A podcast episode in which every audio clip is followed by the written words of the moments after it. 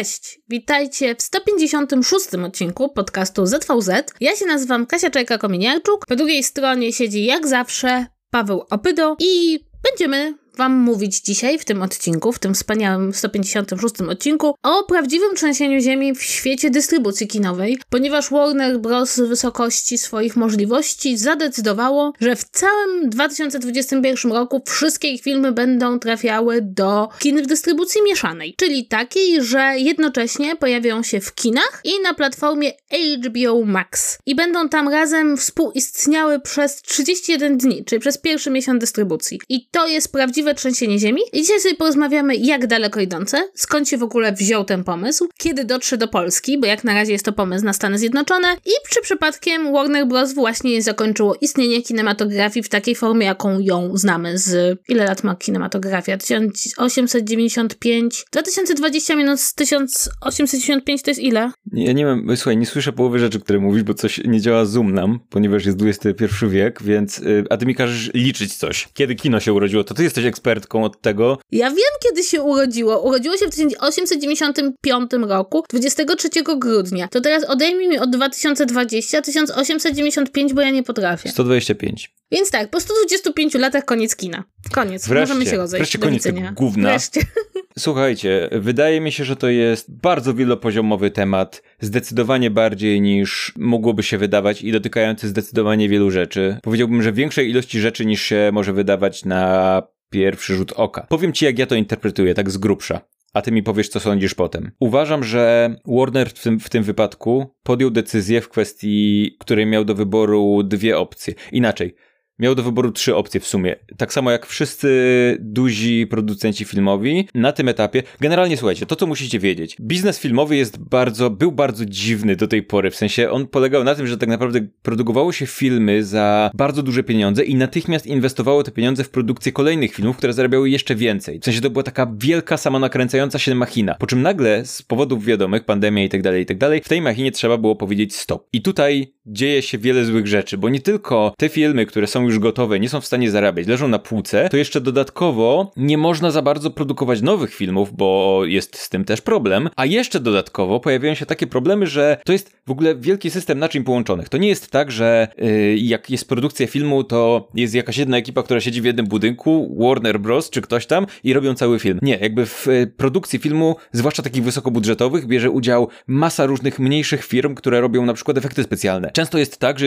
jeżeli jest jakaś duża scena z efektami specjalnymi, to często jest tak, że w tej w, w produkcji tej sceny bierze udział ileś niezależnych od siebie firm i na przykład jedna produkuje sceny, w których Thanos stoi blisko ekranu, a inna w takie, w których stoi daleko. To jest w ogóle niesamowite, że autentycznie było kilka firm, które produkowały tą jedną scenę bitwy ostatecznej w Endgame. Na przykład każda z nich miała swój model Thanosa w swoim oprogramowaniu, który był inny, nie? Ale miał od zera zrobiony identyczny model Thanosa. I często jest tak, że wiesz, to co my oglądamy jako wielką scenę z efektami specjalnymi, jakąś bitwę, jakąś taką, nie wiem, pościg czy coś takiego, to nagle się okazuje, że okej, okay, do tej sekundy robiła to jedna firma, do innej druga. I nagle się okazuje, że te firmy, które są zatrudniane, wiesz, e, przez producentów paczkami, tak, że ileś tam godzin pracy przez w, miesiącach albo tam, wiesz, ileś do przodu, nagle się okazuje, że okej, okay, nie mają materiału, na którym muszą pracować. Trzeba im coś dać, bo kurczę, mamy z nimi kontrakt. Jak nie, no to pieniądze przypadną. To niech robią Zack Snyder z Justice League albo coś tam. Dajmy im cokolwiek, żeby, żeby te pieniądze nie leżały na ziemi, nie wylądowały w błocie, tak? To jest cały wielki mechanizm, w którym nagle trzeba było powiedzieć stop. I teraz masz kilka opcji zareagowania na to. Pierwszą opcją było przeczekajmy. Dajmy wszystko na holdonie, przesuńmy, wiesz, premiery o rok do przodu.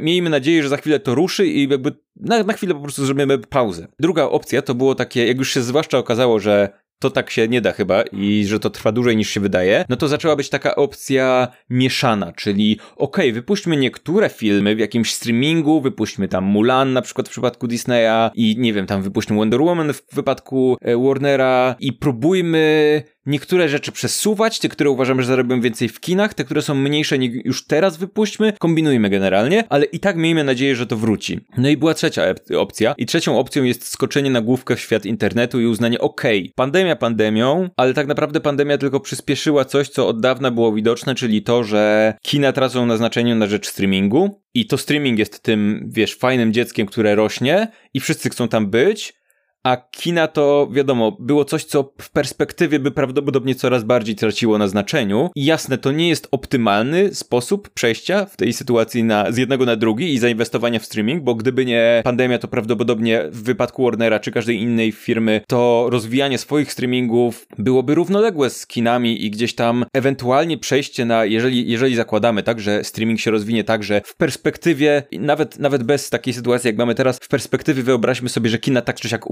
upadłyby, tylko za 50 lat, bo tak, albo nie wiem, albo za 20, bo tak się e, streaming rozwijał, że za, albo może szybciej nawet, nie? Ale to byłby nadal czas, żeby zareagować na to, a teraz to po prostu jest boom taki i mam wrażenie, że Warner stwierdził, ok, bardziej nam się opłaca teraz wejść all in w streaming i, i po prostu wiesz, póki mamy te wielkie filmy, ja podejrzewam, że to u nich wygląda tak, póki mamy te wielkie filmy w produkcji, to już pchajmy je w ten streaming, one prawdopodobnie stracą, ale już przynajmniej będziemy budować bazę ludzi, przynajmniej będziemy budować know-how, a kolejne filmy już będziemy budować bardziej z myślą o streamingu, o tej formie dystrybucji, z mniejszymi budżetami, trochę inaczej pewnie i tak dalej, i tak dalej. I myślę, że to jest u nich takie myślenie, że tak czy siak, prędzej czy później trzeba by było w ten streaming zainwestować, a w tej sytuacji oni wolą i tak muszą zaryzykować. Albo zaryzykują myśląc, kurczę, to się, to, to się skończy ta pandemia i wiesz, y, szczepionka zadziała i będzie dobrze i ryzykujemy licząc na to, albo postawić na tego drugiego konia, że nie ryzykujmy w tym kierunku, tylko zaryzykujmy w tym, że wszystko postawimy na streaming, na internet i liczymy na to, że po tym okresie przejściowym, gdzie będzie ciężko, nagle się okaże, że, że jesteśmy do przodu przed wszystkimi w kategorii internet, nie?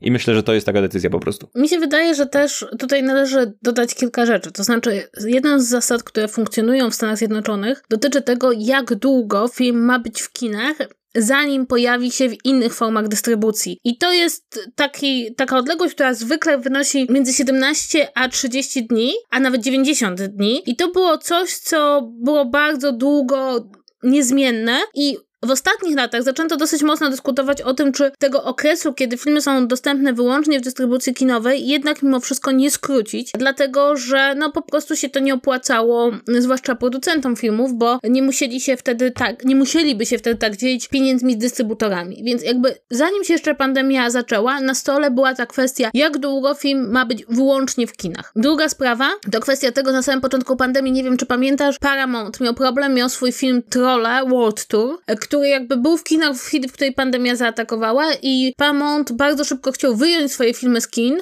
szybciej, chyba po kilkunastu dniach i przerzucić je do takiego ograniczonego streamingu, no żeby na nich nie stracić. I wtedy to było takie pierwsze spięcie, kiedy nagle okazało się, że te przepisy, które istnieją dotyczące dystrybucji, a rzeczywistość, w jakiej się znaleźliśmy, się ze sobą nie stykają. I to, co jest ciekawe w tej decyzji Warnera, to to, że ona będzie dotyczyła całego 2021 roku. E, I dlaczego to jest ciekawe? Ponieważ sami dystrybutorzy amerykańscy, właściciele właściciele kin i tych wielkich sieci kinowych mówią, że ta informacja pojawia się w tym momencie, w którym już w Stanach Zjednoczonych zaczyna się mówić bardzo realnie o momencie, w którym pojawią się szczepionki. Czyli mówi, zaczyna się powoli mówić o takiej chwili, kiedy ta pandemia w takiej formie, jaką ją znamy, to znaczy nie mamy lekarstwa, nie mamy szczepionki, jedynym naszym jakby sposobem walki z tą chorobą jest odosobnienie, zamykanie właśnie koncertów, kin, teatrów, kiedy to się może skończyć. I w sytuacji, w której Warner Bros. mówi, mm, trochę nie ufamy temu, cały 2021 rok idzie do tej mieszanej dystrybucji, to właściciele kin mówią, no fajnie, to jest jakby dosyć mocny sygnał, że nie wierzycie, że kina się odbudują i co więcej, nie dacie im nawet szans, żeby się odbudowały,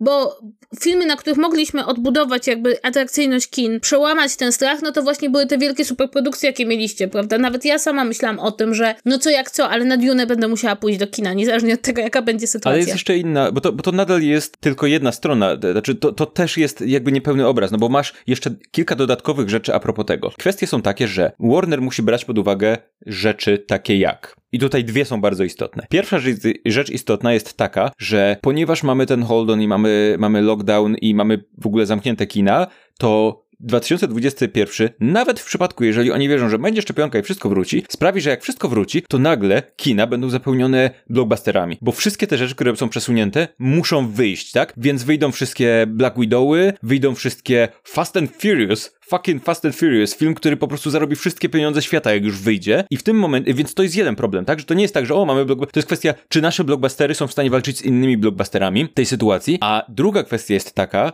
że Cała ta przerwa sprawiła również, że ludzie oduczyli się chodzić do kina, tak? Nagle się okazało, że podejrzewam, że w dużej części w tym momencie już ludzie, wiesz, poinwestowali w telewizory, nau nauczyli się korzystać ze streamingów, zainwestowali w porządne zestawy audio. Jasne, to nadal nie jest poziom kina, ale podejrzewam, że po tym czasie, słuchaj, ja pamiętam jak wszedł Tenet do kin i tam coś tam jeszcze weszło, Mulan chyba było w Polsce, tak? I nawet nie się iść do kina. Odzwyczaiłem się po prostu. Odzwyczaiłem się odchodzenie do kina tak, że miałem takie, kurde, no okej, okay, whatever. Nie chce mi się aż tak. To nie było coś takiego. I myślę, że masa ludzi też będzie odzwyczajona, że, że to, nawet jeżeli sytuacja się poprawi, to nagle się okaże, że ludzie stwierdzą, kurde, już w sumie tak się przyzwyczaiłem do oglądania filmów w domu, na kanapie, cieplutko, wygodnie, że ja poczekam nawet ten czas po tej premierze. Zwłaszcza jeżeli to się skróci. Jest duża szansa, że w ramach negocjacji z kinami, które w tej sytuacji, w której wszyscy są w złej sytuacji, kina są w gorszej, nie? W sensie kina są w jeszcze gorszej sytuacji niż dystrybutorzy, tak? Bo kina są na, na skraju po prostu upadku i trochę,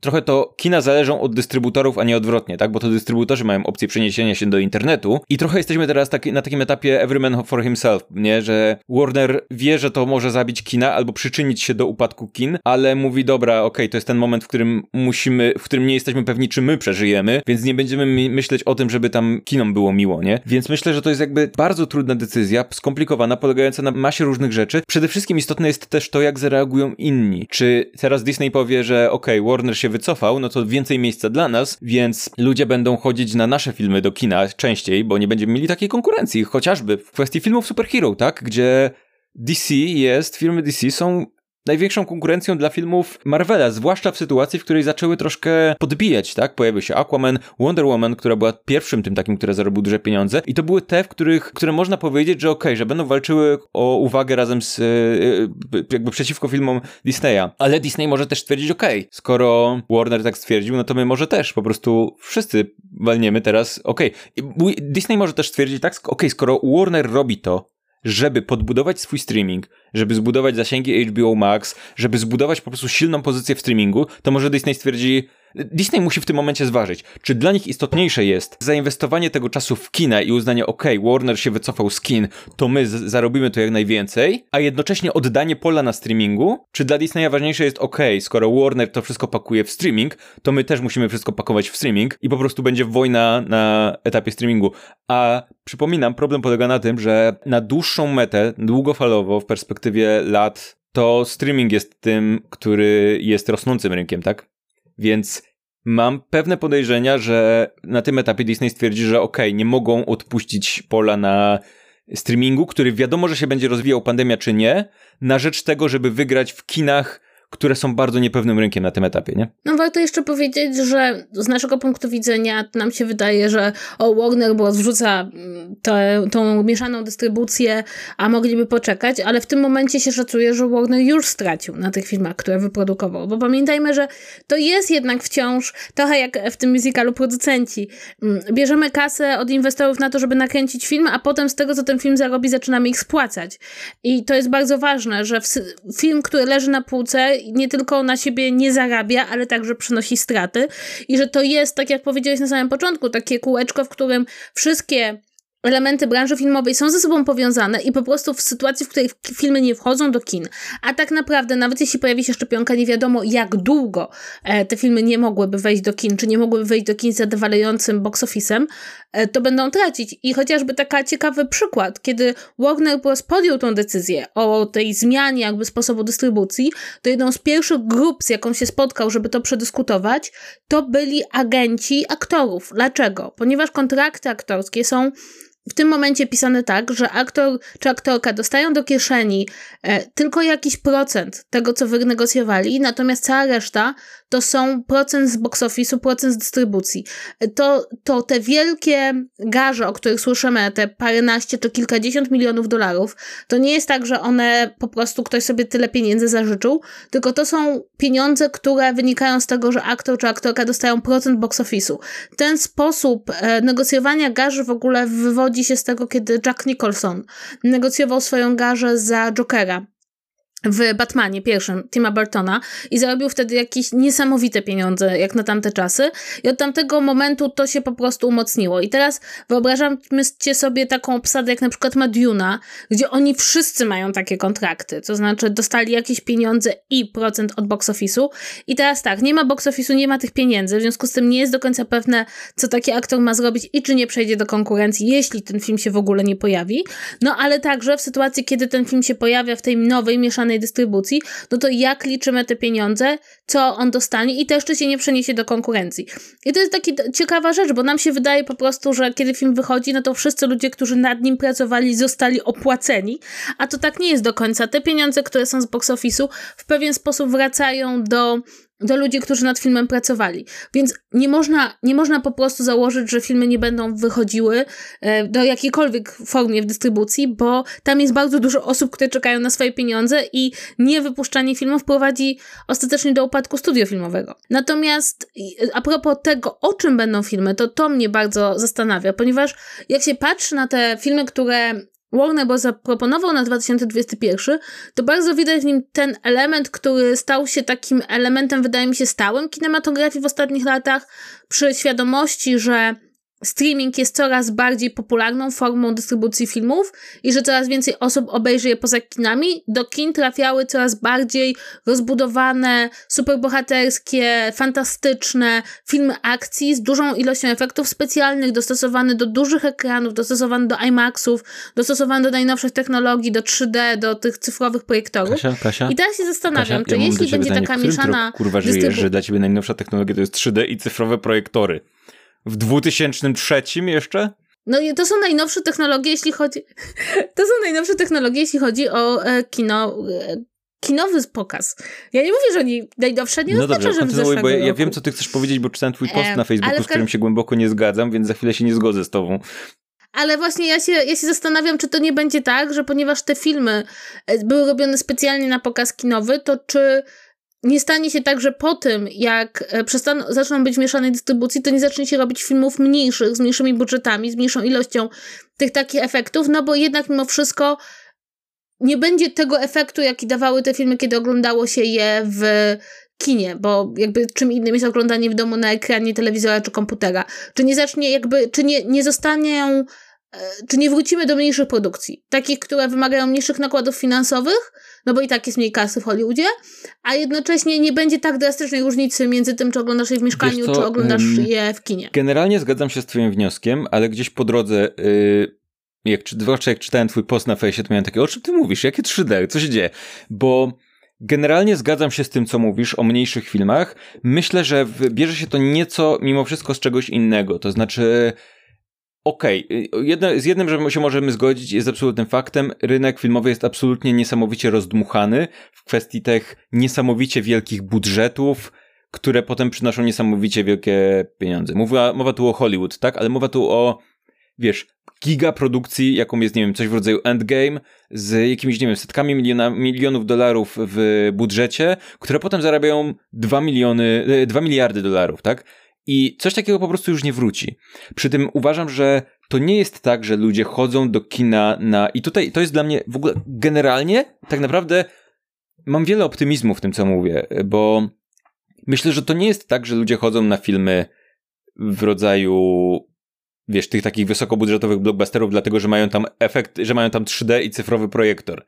Jakby to, to whatever, nikogo to nie obchodzi, jakby są jakieś inne niż cyfrowe, już na tym etapie nie jestem pewien, ale myślę, że na etapie tego, że w kinie masz Yy, że, że w, domu masz już telewizory 4K, 6K czy 8K chyba już są, yy, chociaż pewnie kosztują niesamowite pieniądze, ale myślę, że, że jasne, oczywiście są filmy, które przynoszą, yy, które zupełnie inaczej ogląda się w kinie i zupełnie inaczej ogląda się w domu, ale jednocześnie myślę, że to, że ludzie tak chętnie chodzą na filmy do kina, bierze się z nieco innych rzeczy, przede wszystkim z, dlatego, że widać, że są filmy, które są absolutnie robione pod oglądanie ich w kinie jako najbardziej efektowne wizualnie, wiesz, ym, widowiska, ale jednocześnie te, które najwięcej zarabiają, to są Gwiezdne Wojny, Marvel, rzeczy, w które inwestujesz emocje, tak? To nie idziesz na. To nie jest tak, że ludzie idą, idą na endgame do kina, dlatego że chcą zobaczyć to wszystko na wielkim ekranie. Myślę, że oczywiście to, to też, ale myślę, że przede wszystkim liczy się to, że to jest historia, w którą zaangażowali się emocjonalnie w ciągu 10 lat i chcą zobaczyć w ciągu pierwszego dnia, żeby ktoś im nie zaspoilował. I i że, że to bardziej o to chodzi, a nie nawet kwestie techniczne, bo myślę, że na tym etapie tak naprawdę to można by dyskutować, bo z jednej strony okej, okay, idziesz do kina, masz duży ekran, super dźwięk, ale z drugiej strony ktoś ci wpierdala coś obok ciebie, albo musisz gdzieś jechać, a jest zimno, musisz zapłacić, a w domu masz ciepło, w domu sobie możesz zapauzować i zrobić sobie kawę, cokolwiek, nie? Z drugiej strony możesz powiedzieć, kurde, oglądanie filmów w domu, gdzie możesz zapauzować w dowolnym momencie i zachowaj teraz wymyślone przez twórców tego filmu tempo, że tu jest dłużyzna, tam jest za chwilę musi, po to, żeby potem, wiesz, akcję podbić. Jakby tempo filmu ma znaczenie, tak? I one są robione z myślą o tym, że siadasz i oglądasz przez te półtora godziny czy dwie godziny film w pewnej wizji, którą ci twórcy pokazują i w momencie, w którym możesz w dowolnym momencie w domu zrobić pauzę, wrócić e, z jedzeniem, wyjść, przerwę sobie zrobić cokolwiek, to nagle się okazuje, że te filmy mogą działać zupełnie inaczej. Że, że dużo łatwiej ci na przykład jest wyłączyć film, tak? A z drugiej strony masz też taki aspekt czysto społeczny, tego, że wyobraź sobie sytuację, w której film będący częścią jakiejś takiej franczyzy w rodzaju e, Marvel Cinematic Universe, czy nawet filmów DC, czy czegokolwiek w tym kierunku, gdzie, gdzie inwestujesz emocjonalnie, w, masz jakąś inwestycję emocjonalną, gdzie znasz bohaterów, gdzie czekasz na to i nagle się okazuje, że jesteś w stanie to obejrzeć w domu. Jakby wyobraź sobie poziom spoilerów, jaki się będzie pojawiał. Ludzie i tak robią zdjęcia w kinach, a tu będzie po prostu natychmiast to, to jak nie obejrzysz pierwszego dnia, to już, to już po tobie, nie? Już masz cały internet spoilerów. Więc myślę, że jakby te ogólne wnioski się zgadzają, chociaż bardziej uważam, że to jest kwestia zaangażowania w kino jako w te wszystkie wielkie franczyzy, które tyle zarabiają, te wszystkie, wiesz, serie, te wszystkie łączone uniwersa, to mam wrażenie, że to jest to, co dzisiaj przyciąga ludzi do kina i dlaczego chcesz iść do kina. I a, a efekty specjalne, czy jakieś takie czysto techniczne kwestie, myślę, że paradoksalnie są na drugim miejscu, a jednocześnie łącząc to z tym, że ciężko jest zarobić te same porównywalne pieniądze na streamingu, bo oczywiście, jasne, możesz zrobić taki, taką formę dystrybucji, jak miało Mulan, że płacisz po prostu za wirtualny bilet, ale czy to jest w stanie tyle samo zarobić? Myślę, że na to pytanie odpowie dopiero sytuacja, w której taka forma, w sensie, że płacisz cenę biletu, żeby obejrzeć w domu, gdyby w takiej formie zostało wypuszczone na przykład mm, kurczę, nawet nie Black Widow, ale jakiś kolejny film Marvela, bo w Black Widow jest ten problem, że wiemy, co się zdarzy. To nie, nie jest kolejny etap Marvela, to jest jakby czasowo przed Endgame. Więc to jest ten, ta dziwna sytuacja, ale podejrzewam, że jakby wyszli Strażnicy Galaktyki albo kolejne Avengers, to ludzie by się rzucili na to nawet za pieniądze za bilet. Dlatego, że byliby zaangażowani emocjonalnie. I tam, czy to oglądaliby to na telewizorze, czy na ekranie kinowym, nie robiłoby im żadnej różnicy. Bo to jest ważniejsze. Wiesz, co próbuję powiedzieć, tak, do czego tak, dążę? oczywiście. Ale zgadzam się tak, jakby końcowo jeszcze, zgadzam się absolutnie z tym i myślę, że to jest pozytywny wniosek, że kurczę, Deadpool był filmem, który ja, rozmawialiśmy o Deadpoolu, nie jesteśmy oboje super fanami Deadpoola, ale bardzo doceniam to, że to jest film zrobiony za 80 złotych przez ludzi, którzy po prostu tak bardzo chcieli zrobić ten film, że w końcu po tych iluś latach na lewo wypuścili do internetu ten, wiesz, to takie wideo, gdzie próbowali przekonać producentów, tylko po to, żeby ludzie w internecie się nim zachwycili i żeby dostali pieniądze. A i tak dostali ile? 40 milionów dolarów? No to jakby, a, a czy to jest film, w którym to widać? Pamiętasz, że w Deadpoolu pierwszym, co mnie bardzo mnie bawi, jest ta taka scena, gdzie Deadpool zapomina broni, yy, bo zostawia w taksówce tor, tak, tak. torbę z bronią. I to jest scena, która istnieje tylko dlatego, że nie było budżetu na nagranie sceny walki, więc stwierdzisz, dobra, to powiedzmy, to zróbmy gag w tym miejscu. Czy ktoś, czy ktoś miał problem z tym jakiś? Kurczę, myślę, że Kino zyska na tym, że zacznie się ograniczać budżety i zacznie się kombinować kreatywnie. Zresztą widać to na streamingu tak naprawdę. Ja oglądam wiele materiałów, polecam w ogóle tutaj, przepraszam, że tak długo mówię, zaraz ci, zaraz ty będziesz mówić cały czas, obiecuję. A tylko ostatni wątek. Y, jest taki kanał na YouTube, który ci też polecałem jakiś czas temu, nazywa się Corridor Crew. To jest y, kanał robiony przez ludzi, którzy robią efekty specjalne. Mają jakieś tam małe takie studio do efektów specjalnych i czasem robią coś do jakichś filmów albo reklam i tak dalej, i tak dalej. I oni generalnie opowiadają o efektach specjalnych, analizują efekty specjalne w filmach i tego typu rzeczy. I był kiedyś odcinek z gościem, który wyreżyserował film Mother się nazywał bodajże, o tej, o tej robocie i matce w Netflixa taki film. jak to się nazywało? Mother po prostu, tak, taki sci-fi i tam y, w jaki sposób y, efekty specjalne robili, żeby jak najtaniej wyszło, żeby wiesz, żeby wyglądało to dobrze, a nie kosztowało dużo. Podobnie zresztą, jak się nazywał film taki o dziewczynie cyborg, takiej, którą grała e, e, Ex Machina, tak. To był też film, który miał bardzo mały budżet, a wyglądał świetnie, dlatego, że tam, wiesz, ludzie, którzy siedzieli, po prostu kombinowali, jakby to wszystko zrobić, tak żeby wiesz, kreatywnie wymyślić efekty specjalne, kreatywnie sposób kręcenia wymyślić, tak żeby to wyglądało równie dobrze, co wysokobudżetowe filmy, ale nie trzeba było tyle płacić, nie? Często budżet wynika z tego, że łatwiej jest zapłacić trochę więcej i machnąć, wiesz, jakby zapłacić za te efekty więcej niż się nad nimi narobić. I może w drugą stronę pójdzie kino, może pójdzie w kierunku mniejszych budżetów, ale ciekawszych pomysłów i myślę, że wszyscy na tym zyskamy paradoksalnie, bo myślę, że to takie rozdmuchanie kina troszkę mu szkodzi. Koniec. Ta już skończyłem, teraz przez kolejne 20 minut Katarzyna Czajka, Kominiarczuk, solo podcast ZVZ. Po prostu Z. To jest podcast Z teraz. I będziesz opowiadać o tym, co myślisz. Tak, ja chciałam tylko nawiązać do tego, co ty mówiłeś o tych technologiach. Ja się oczywiście zgadzam, że zawsze na pierwszym miejscu stoją nasze emocje względem filmu, ale jeśli chodzi o taką czysto ekonomiczną stronę w ogóle przetrwania kin w ostatnich latach, to ona wynikała właśnie z tego, że ludzie kupowali bilety na te lepsze seanse, czyli właśnie te seanse 3D, czy te seanse na tych większych ekranach, które były to bilety droższe i dzięki temu kina w ogóle miały jakiekolwiek zyski. Bo A to te... w ogóle nie jest tak, że, oni, że, że kina miały zyski, bo ludzie kupowali popcorn? Nie, to na, oczywiście, że kina główne zyski mają dzięki popcornowi i pićku. To wszyscy wiedzą. Dlatego jak nie kupujecie popcornu w kinie, to przyczyniacie się do klęski kinematografii. Jesteście gorsi niż Warner. Jesteście wtedy. gorsi niż Warner, was jak nie kupujecie popcornu w kinie. Nie, ale oczywiście to jest prawda, tylko kiedy liczono zyski z biletów to wychodziło jakby zyski biletów nie spadały aż tak drastycznie, mimo że spada i spadała ilość sprzedanych biletów, dlatego właśnie, że były te cudzysłów wielki, nowe technologie, które za które kina brały więcej pieniędzy, ludzie szli na te filmy w, te, w takim wydaniu i dzięki temu kina się utrzymywały na powierzchni. O to mi chodziło, kiedy o tym a. A powiedz mi, czy to, kurczę, czy to nie jest tak, bo pamiętasz, że zanim się post-apo zaczęło, to za, zaczęły się takie rozmowy w kinach, które podobno nie miały nic wspólnego z, y, z tym, co się dzieje, mhm. żeby bardzo drastycznie obniżyć bilety kinowe, bo, bo ktoś policzył, że w sumie jak będą tanie bilety, to więcej ludzi będzie chodzić i kupować popcorn i tak naprawdę te drogie bilety, to jasne, one przynoszą większe zyski, ale w sumie te zyski byłyby jeszcze większe, gdyby bilety były tanie. I czy to nie jest tak, że troszkę to, co mówisz, wynika po prostu z tego, że takie były, drogie były bilety, więc drogie bilety sprawiły, że że najwięcej przynosiły, bo były drogie, ale gdyby były tanie, to by przynosiły jeszcze więcej, bo byłyby tanie.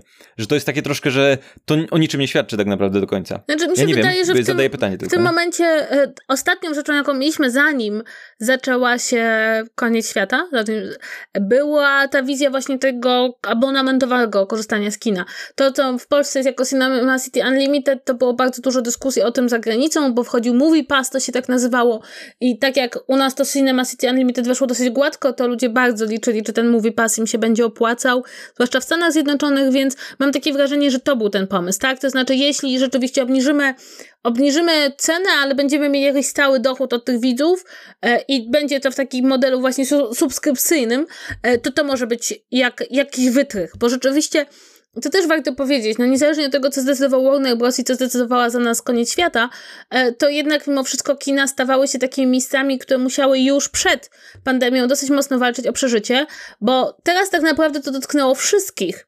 Natomiast e, ten mechanizm mieszanej dystrybucji albo ograniczonej dystrybucji wcześniej zaczął dotykać wielbicieli kina niszowego, a właściwie takiego kina kierowanego pod nagrody. No bo na przykład taka Roma Alfonso Cuarona, czyli film o, o, nagrodzony Oscarami, nie wszedł w pełnej dystrybucji do Polski, był w dystrybucji ograniczonej, w pełnej dystrybucji był, w takiej mieszanej dystrybucji był na Netflixie.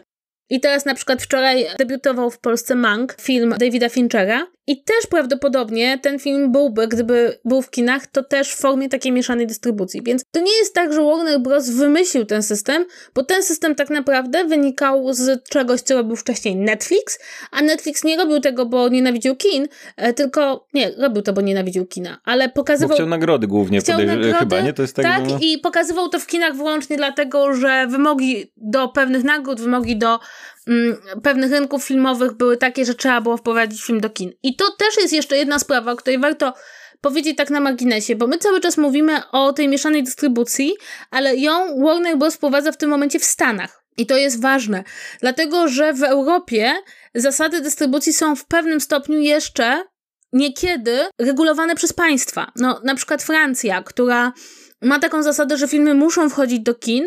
Dlaczego? Bo jeśli film jest pokazywany w kinie, to pieniądze z jego pokazywania idą częściowo do dystrybutora częściowo zwracają się w państwie w podatkach i te podatki i te pieniądze idą potem do kinematografii krajowej. E, kiedy coś jest pokazywane na przykład tylko na Netflixie czy tylko na HBO Max, no to te pieniądze idą wyłącznie do tej wielkiej centrali, która jest w Stanach Zjednoczonych i nic nie zostaje na rynku krajowym. Istotna, istotny punkt jest tutaj też taki, że HBO Max na razie jest dostępny tylko w Stanach. Gdziekolwiek w ogóle jest dostępny. Jest w Stanach, już, od maja jest w Stanach. Jest w Stanach, tak? Mhm. Jest w Stanach tylko, więc ma w 2021 prawo, roku. Lokalne prawo, mhm. tak. W 2021 ma być dostępny w niektórych krajach europejskich, tak? Podejrzewam, że zaczną się, zacznie się od północy, jak zwykle, yy, potem, potem od zachodnich krajów, a u nas 2043. Nie, już zapowiedzieli, połowa 2021 ma być w Polsce, ale zgadzam się z tobą, że jak rozmawiamy o, o Polsce, to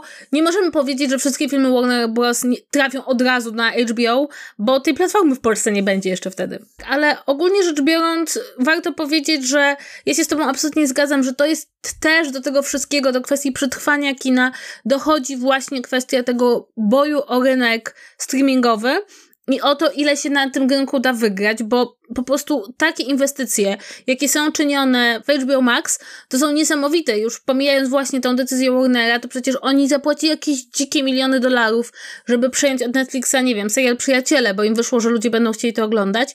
I tak naprawdę teraz czekają nas takie lata, kiedy te platformy będą się ze sobą bardzo biły i będą decydowały właściwie o tym, jak będzie wyglądać cała nasza rozrywka. Natomiast tak na marginesie muszę ci powiedzieć, ty powiedziałeś, że jesteś znudzony, znaczy znudzony, odzwyczajony od chodzenia do kina.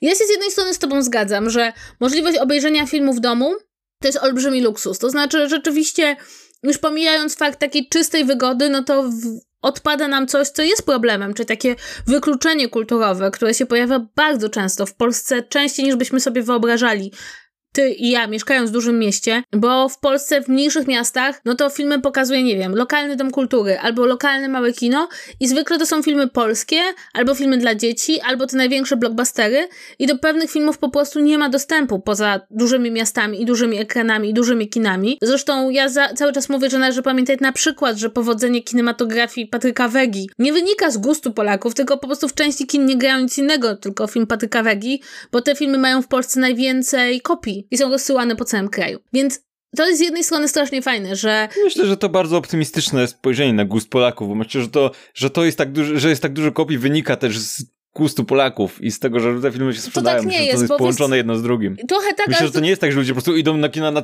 cokolwiek, dajcie mi ten botox, niech będzie cokolwiek. Myślę, że to gdzieś w połowie jest prawda. Jeśli w kinie przez miesiąc jest tylko botox, to jeśli chcesz iść do kina, to zostaje ci tylko botox, więc bardzo dużo takich przypadkowych widzów wtedy te filmy łapią. E, chociaż oczywiście, no, część ludzi po prostu lubi filmy Patryka Wegi. Ja, ja fajnie, jak Wega robi jakieś takie exploitation, ja myślę, że to ironicznie wszystko jest. Natomiast jeśli chodzi o samą instytucję pokazu filmowego, jak to się pięknie nazywa, to ja nie odżałowałabym jej nigdy, bo chociażby ty mówisz o spoilerach i rzeczywiście to byłby koszmar. A ja mam takie poczucie, że zwłaszcza w przypadku tych produkcji, jak sam mówiłeś, którym mamy związek emocjonalny, to oglądanie tych filmów z innymi ludźmi, którzy też mają z nimi związek tak, emocjonalny. Tak, tak, zdecydowanie. Jest kluczowe. No ja nigdy nie zapomnę, jak byłam na Avengers Endgame i jest tam taka scena, gdzie jeden bohater podnosi jedną rzecz i cała sala zaczęła klaskać. Kurczę, ale to w ogóle ile, jest, ile ten film jest skonstruowany pod coś takiego, nie? Tak. I to, kurczę, zresztą podejrzewam, że ilość YouTube'owego kontentu i, i tego takiego trendu robienia reaction videos, gdzie po prostu masz grupę ludzi albo jakąś jedną osobę, która ogląda trailer jakiś po raz pierwszy i nagrywa swoją reakcję na żywo. To często są też grupowe kanały i tak dalej i wtedy y, to, to jest właśnie mm, to jest właśnie substytut tego, tak? Ludzie siedzą na czacie na żywo i oglądają jak inni ludzie oglądają coś na żywo i reagują tylko dlatego, żeby poczuć tę wspólnotę i to, że wiesz, to, że okej, okay, co się dzieje. Co więcej, powiem ci o najbardziej dziwnej rzeczy, która to która wyrosła wokół tego. Teraz jak mamy pandemię i ludziom tego brakuje, to w internecie zaczęły się pojawiać takie fejkowe wideo z reakcjami na filmy, które nie, które nie były dystrybuowane w kinach. Nagle masz na YouTubie film, gdzie masz reakcję sali kinowej na Mulan i pod spodem jest napisane, że to zostało stworzone w postprodukcji, bo tak naprawdę nie było w kinie, ale ktoś po prostu wziął dźwięki ludzi, którzy się cieszą i dodał w odpowiednich scenach, ustawił to tak, że wygląda jakby to było, wiesz, w sali kinowej, takie ten i patrz, obejrzyj sobie, może się poczujesz tak samo, wiesz, wow, to jest po prostu jak narkotyki w internecie, nie? Dla ludzi, którzy chcą poczuć jakąś wspólnotę, więc zdecydowanie to jest coś, czego będzie mi brakować, ale jednocześnie tak czy siak to jest, wiesz, argument anegdotyczny, to jest pytanie na ile na które nie znamy odpowiedzi. Podejrzewam, że nikt nie zna odpowiedzi. Podejrzewam, że najbliżej jest pewnie Warner i tego typu filmy, które robią badania na ten temat na ile, co jest bardziej istotne dla ludzi? Czy ta wygoda w domu, czy to poczucie wspólnoty? Gdyby był, było tylko jedno, gdyby, tak naprawdę, no kurczę, myślę, że to, co robi Warner, to jest też wielki eksperyment, co okaże się tak naprawdę, co ludzie wolą, tak? Na ile jest to ważne. Co się okaże, jeżeli będzie po pandemii, yy, zrobi się w miarę bezpiecznie i nagle się okaże, że ludzie i tak wolą, ogląda, wolą oglądać to wszystko w domu. Bo nagle się okaże, że jak ten film jest od pierwszego dnia dostępny na streamingu, no to nagle się okazuje, że to w sumie to nie ma aż takiego parcia, żeby zobaczyć to w kinie. No to, to będzie bardzo ciekawe. Zresztą nie wiem, czy widziałeś, jest. Ja widziałam taki projekt zupełnie nowej sali kinowej, która powstała, została zaprojektowana przed pandemią, ale idealnie spełnia warunki tego, co się, co się właśnie dzieje. I to jest taka sala kinowa, która już nie ma takiego na, klasycznego nachylenia, które od wielu lat widzimy w salach, tylko jest jakby płaską ścianą, z której są takie wystające balkony. Trochę to przypomina Senat z Gwiezdnych tak. Wojen, tak? I właśnie twórcy tego projektu mówią, że to być może będzie przyszłość kina, czyli że będziemy chodzili do kina ze znajomymi, z jakąś taką grupką, piątką znajomych, będziemy wynajmowali sobie taką lożę i będziemy tam oglądali na bardzo wielkim ekranie, ale właśnie w takim odosobnieniu trochę. trochę ta... Jesteśmy w kinie, ale jesteśmy też we własnym salonie, nie mamy styczności z innymi ludźmi za bardzo, także byłoby to bezpieczniejsze z punktu widzenia ewentualnej pandemii, więc to też jest może trochę tak, że ta zmiana przyniesie Poza nie tym, tylko zmianę że ci jeszcze tego... się wetnę, tak? to by było kurwa ekstra. Autentycznie, wyobraź sobie, jakby to było fajne. Połączenie tego takiego wrażenia, że jesteś wspólnotą ludzi, ale jednocześnie masz taką faktycznie lożę, nie wiem, ze stolikiem, gdzie sobie możesz postawić jedzenie i usiąść z paczką znajomych i nawet, wiesz, komentować na tyle, wiesz, głośno, żeby nie przeszkadzać innym, ale słyszeć siebie nawzajem. Wow, kurczę, to jest świetny pomysł, jakby pomijając istnienie, pomijając to, że żyjemy w trakcie końca świata, nie? No i właśnie, i to jest może, może to nas jeszcze czeka. To znaczy, że oczywiście zmniejszy się ilość widzów kinowych, ale też same kina będą musiały na to jakoś odpowiedzieć i zamiast zamknąć po prostu swoje podwoje, bo wydaje mi się, że do tego jeszcze nie doszliśmy. To znaczy, mam takie poczucie, że jeśli istnieją jeszcze teatry, to będą istniały kina, ale mogą być zupełnie inne. Mogą być właśnie inaczej wyglądać, mogą być taką rozrywką, która stanie się rozrywką coraz bardziej luksusową, coraz bardziej dla wybranych.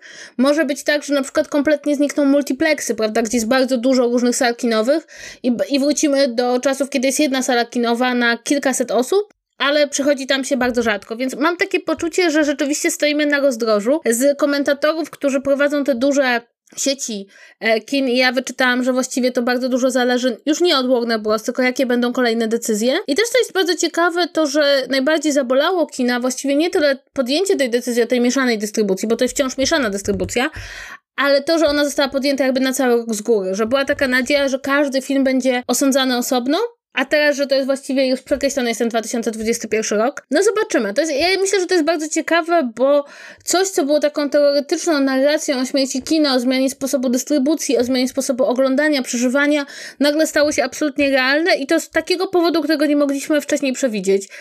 I być może, być może rzeczywiście. Ja mam takie poczucie, że stoimy trochę na rozdrożu, ale też ja tyle razy miałam takie wrażenie, że coś się zmieni na zawsze, a potem ludzie okazywali się bardziej konserwatywni, czy bardziej tacy nieprzyjmujący do siebie tego, że nadchodzi zmiana, że ja nie wiem, co wypro wyprorokować w tym momencie. Mam wrażenie, że kina zostaną, ale będzie się do nich chodziło być może za kilka lat, tak jak się chodzi do teatru, prawda? Do teatru chodzisz raz, dwa razy do roku, ale jest to takie wyjście, gdzie płacisz 100, 200 zł za bilet i, i to jest wyjście, wyjście, prawda? To nie jest taka po prostu rozrywka na piątek wieczór.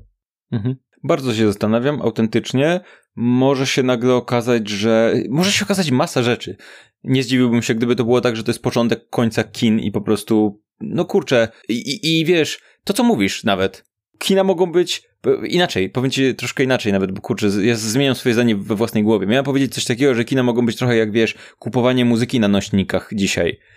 To nie jest, jakby w epo, epoce streamingu, muzyki, jak kupujesz coś na nośnikach, to z reguły już to zaczyna wchodzić w kolekcjonerstwo, tak? I z reguły już nie kupujesz wtedy płyty CD, tylko kupujesz winyla na przykład. W sensie, że coraz częściej to jest tak, że, że tylko to, to musi być coś specjalnego, co fizycznie chcesz mieć w domu. Ale kino z drugiej strony, kurczę, prowadzenie kina dużo kosztuje, więc to nie będzie tak, że idziesz tylko na filmy, które są dla ciebie naprawdę ważne. Bo gdyby tak miało być, to jakby koszta będą wtedy, musiały być ogromne pójść na taki film, żeby to się zwracało temu kinu, tak?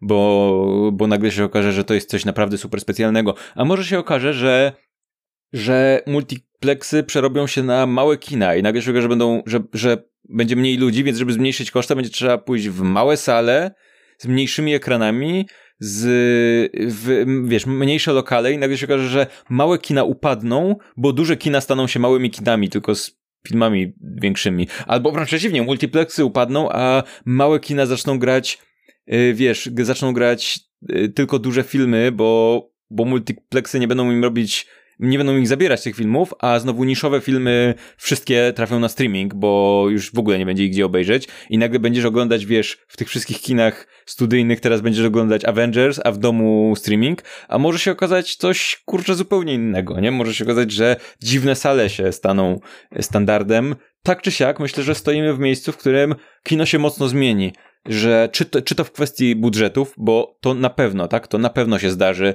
przestaną być przez, jakby, jakby cofamy się do zdecydowanie mniejszych budżetów w kinie, ta bańka troszkę pękła z zupełnie innych powodów niż mogłoby się wydawać, ale też myślę, że inne rzeczy zaczną się sprzedawać. Zresztą to widać, kurczę, widać w kwestii takiego, te, tego tak naprawdę, co staje się regularnie hitami streamingów.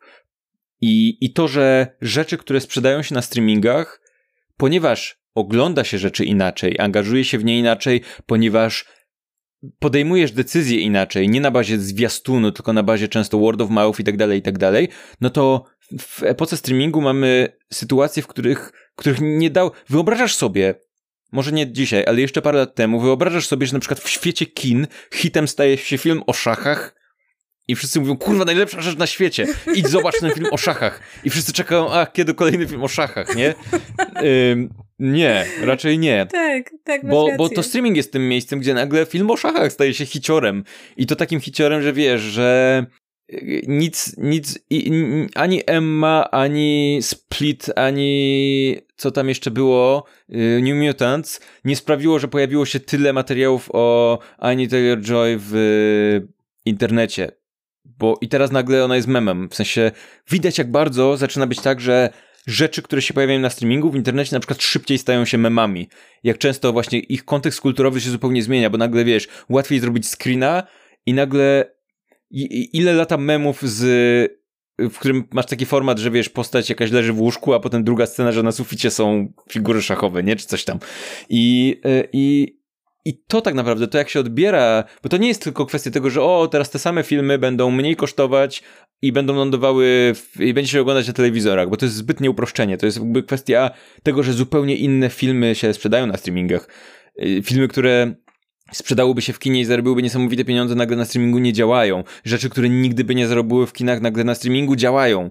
To jest i, I teraz nagle te wszystkie duże firmy muszą się tego wszystkiego nauczyć. A to jest ogromna branża, tak? Niesamowicie wielka branża, która się zmieni w taki sposób. Więc myślę, że czeka nas, że żyjemy w ciekawych czasach, zwłaszcza ludzie, którzy zainwestowali duże pieniądze w branżę filmową, żyją teraz w ciekawych czasach. Na pewno są zadowoleni z tego powodu, bo to yy, Miło, tak. Miło, żyć dobrze żyć w ciekawych czasach. Więc yy, tak. tak. Ale wiesz co, ja mam jeszcze taką uwagę właśnie, że też myślę a propos tego, co mówiłam, że te pieniądze dla gwiazd się zmienią i myślę, że też może nam się trochę przetasować w świecie gwiazd i aktorów i kto w czym będzie grał i kogo na będzie stać w jaki na, na aktora do wystąpienia w jakiej produkcji, bo może się okazać, że ci aktorzy, którzy mieli po prostu te garze niesamowite, będą musieli zacząć spuszczać sceny, żeby w ogóle zarobić na siebie.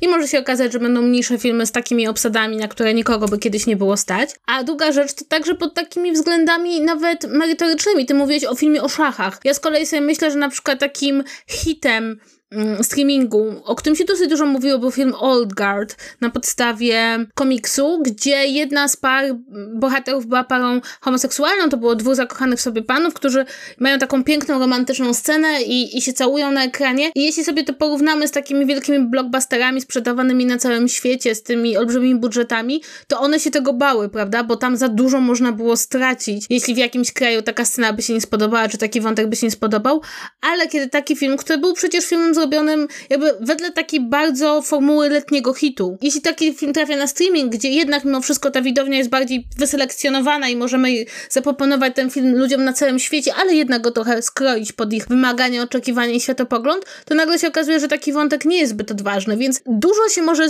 zmienić zarówno w tej biznesowej stronie, ale właśnie tak jak tutaj ująłeś, w tematyce, w podejściu i także ja mam poczucie, że się bardzo przetasuje w świecie aktorów, bo już teraz właśnie widać, że kończy się kończy się trochę epoka takich wielkich gwiazd Hollywood, których wielkość e, także liczymy garzą, bo ta garze na pewno drastycznie spadną. Więc Mam wrażenie, że z jednej strony oczywiście możemy tutaj smutać, bo kina, bo, bo to już nie będzie tak jak kiedyś, ale z drugiej strony warto wzbudzić sobie może trochę optymizmu czy entuzjazmu, że otwierają się nowe drzwi nowym twórcom, e, nowym aktorom, nowym reżyserom, bo wiecie, mniejszy budżet oznacza, że można go powierzyć bardzo często osobie z mniejszym doświadczeniem, osobie, której dotychczas byśmy takich wielkich pieniędzy nie dali, więc to też jest jakby szansa, tak, tak ja czuję, że to może być szansa i może być też szansa na jakieś oryginalne projekty, bo też jeśli zajrzymy do tego, do tego slotu filmów na 2021, jaki proponował Warner, to zobaczymy, że tam jest strasznie dużo kontynuacji, drugich, trzecich, czwartych części,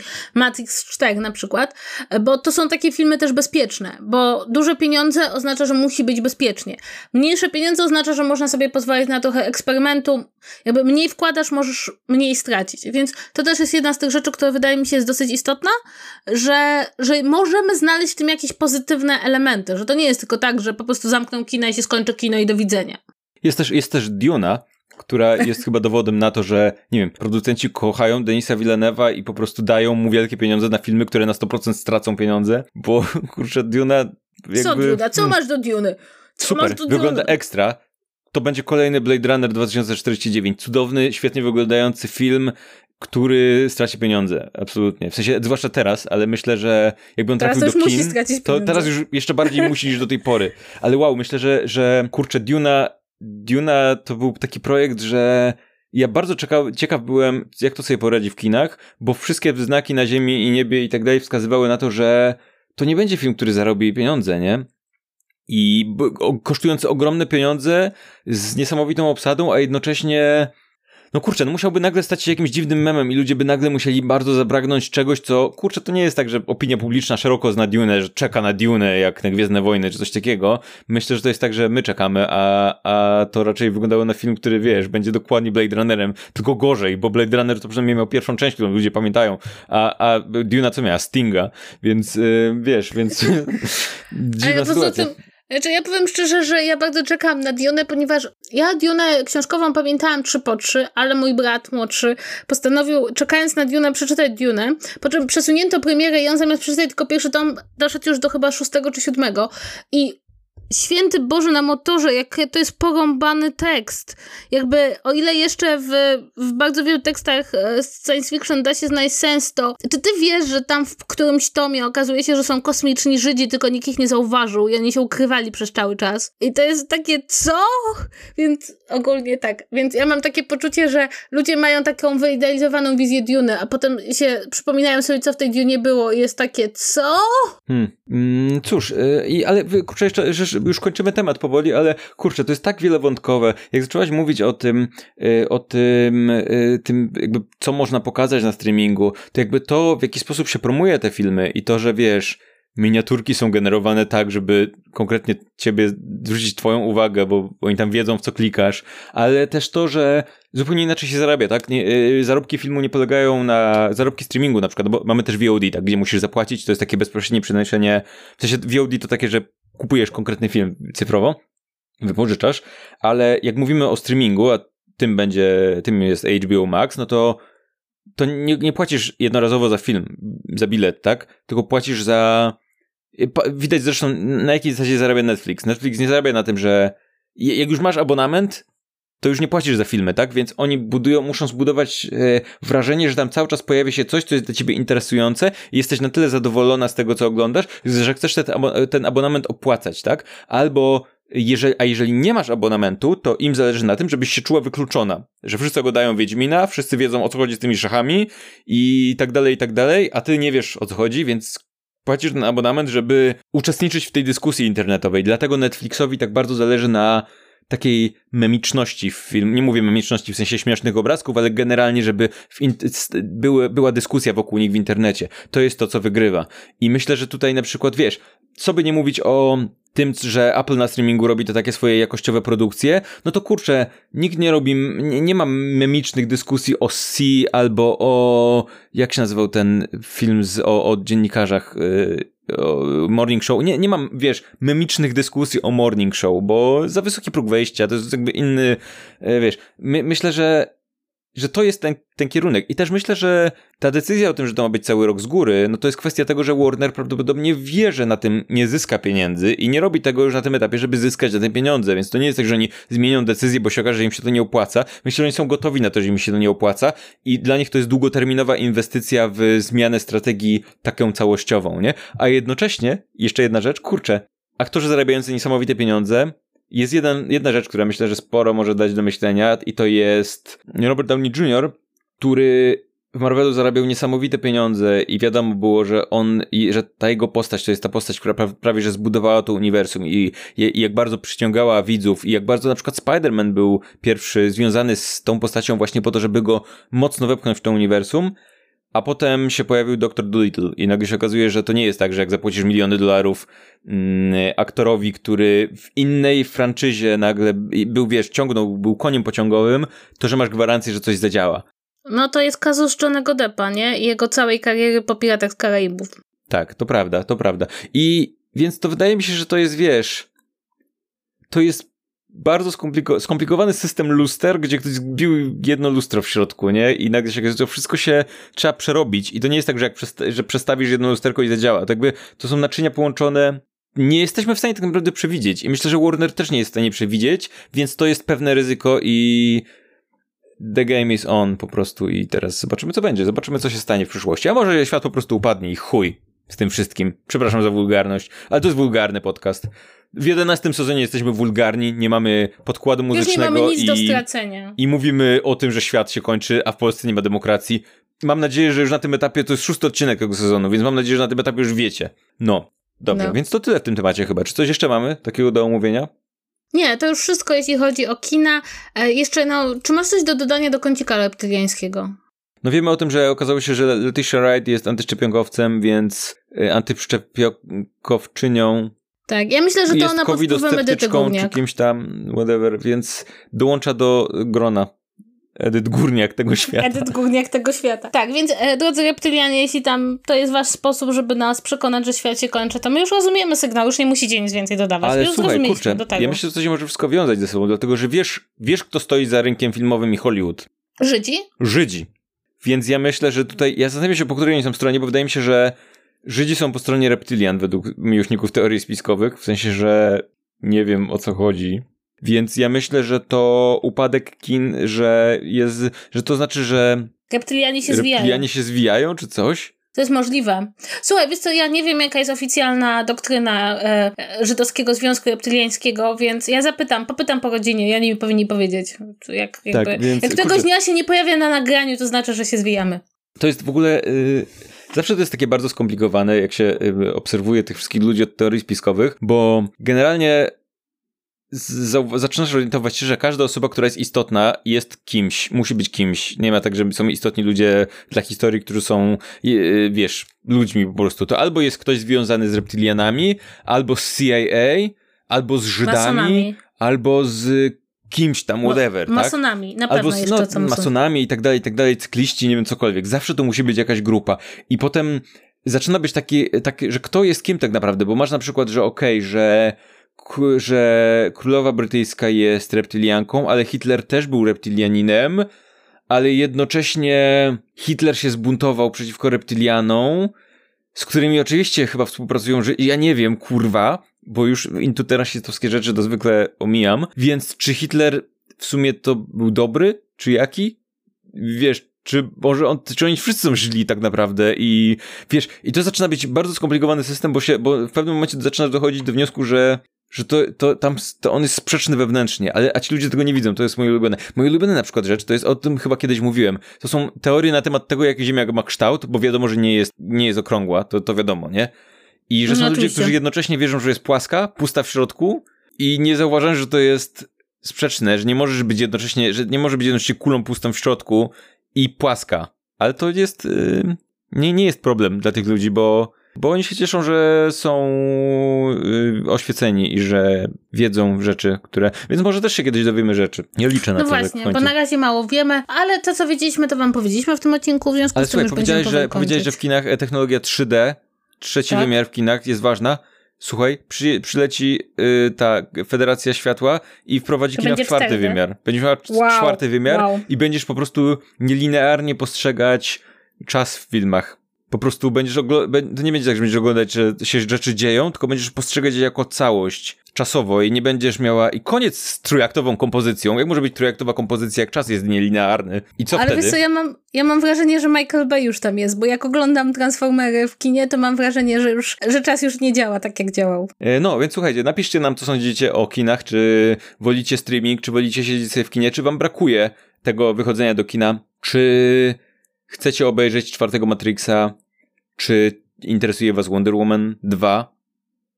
Czy tam, nie wiem, Wonder Woman 1974 albo 84, ja już nie wiem, która to jest część, to jest tak bardzo skomplikowane, zawsze mnie to yy, konfunduje. Chociaż od czasu Fallouta 76 już chyba nic mnie nie zdziwi. Dobra, więc yy, do tej pory nie wiem, dlaczego on się nazywa 76. Yy, dobra, powoli to, co mówimy, zaczyna tracić sens. Mamy już ponad godzinę na liczniku, więc tyle od nas w tym tygodniu. I do usłyszenia w przyszłym. Żegnajcie. Pa, pa.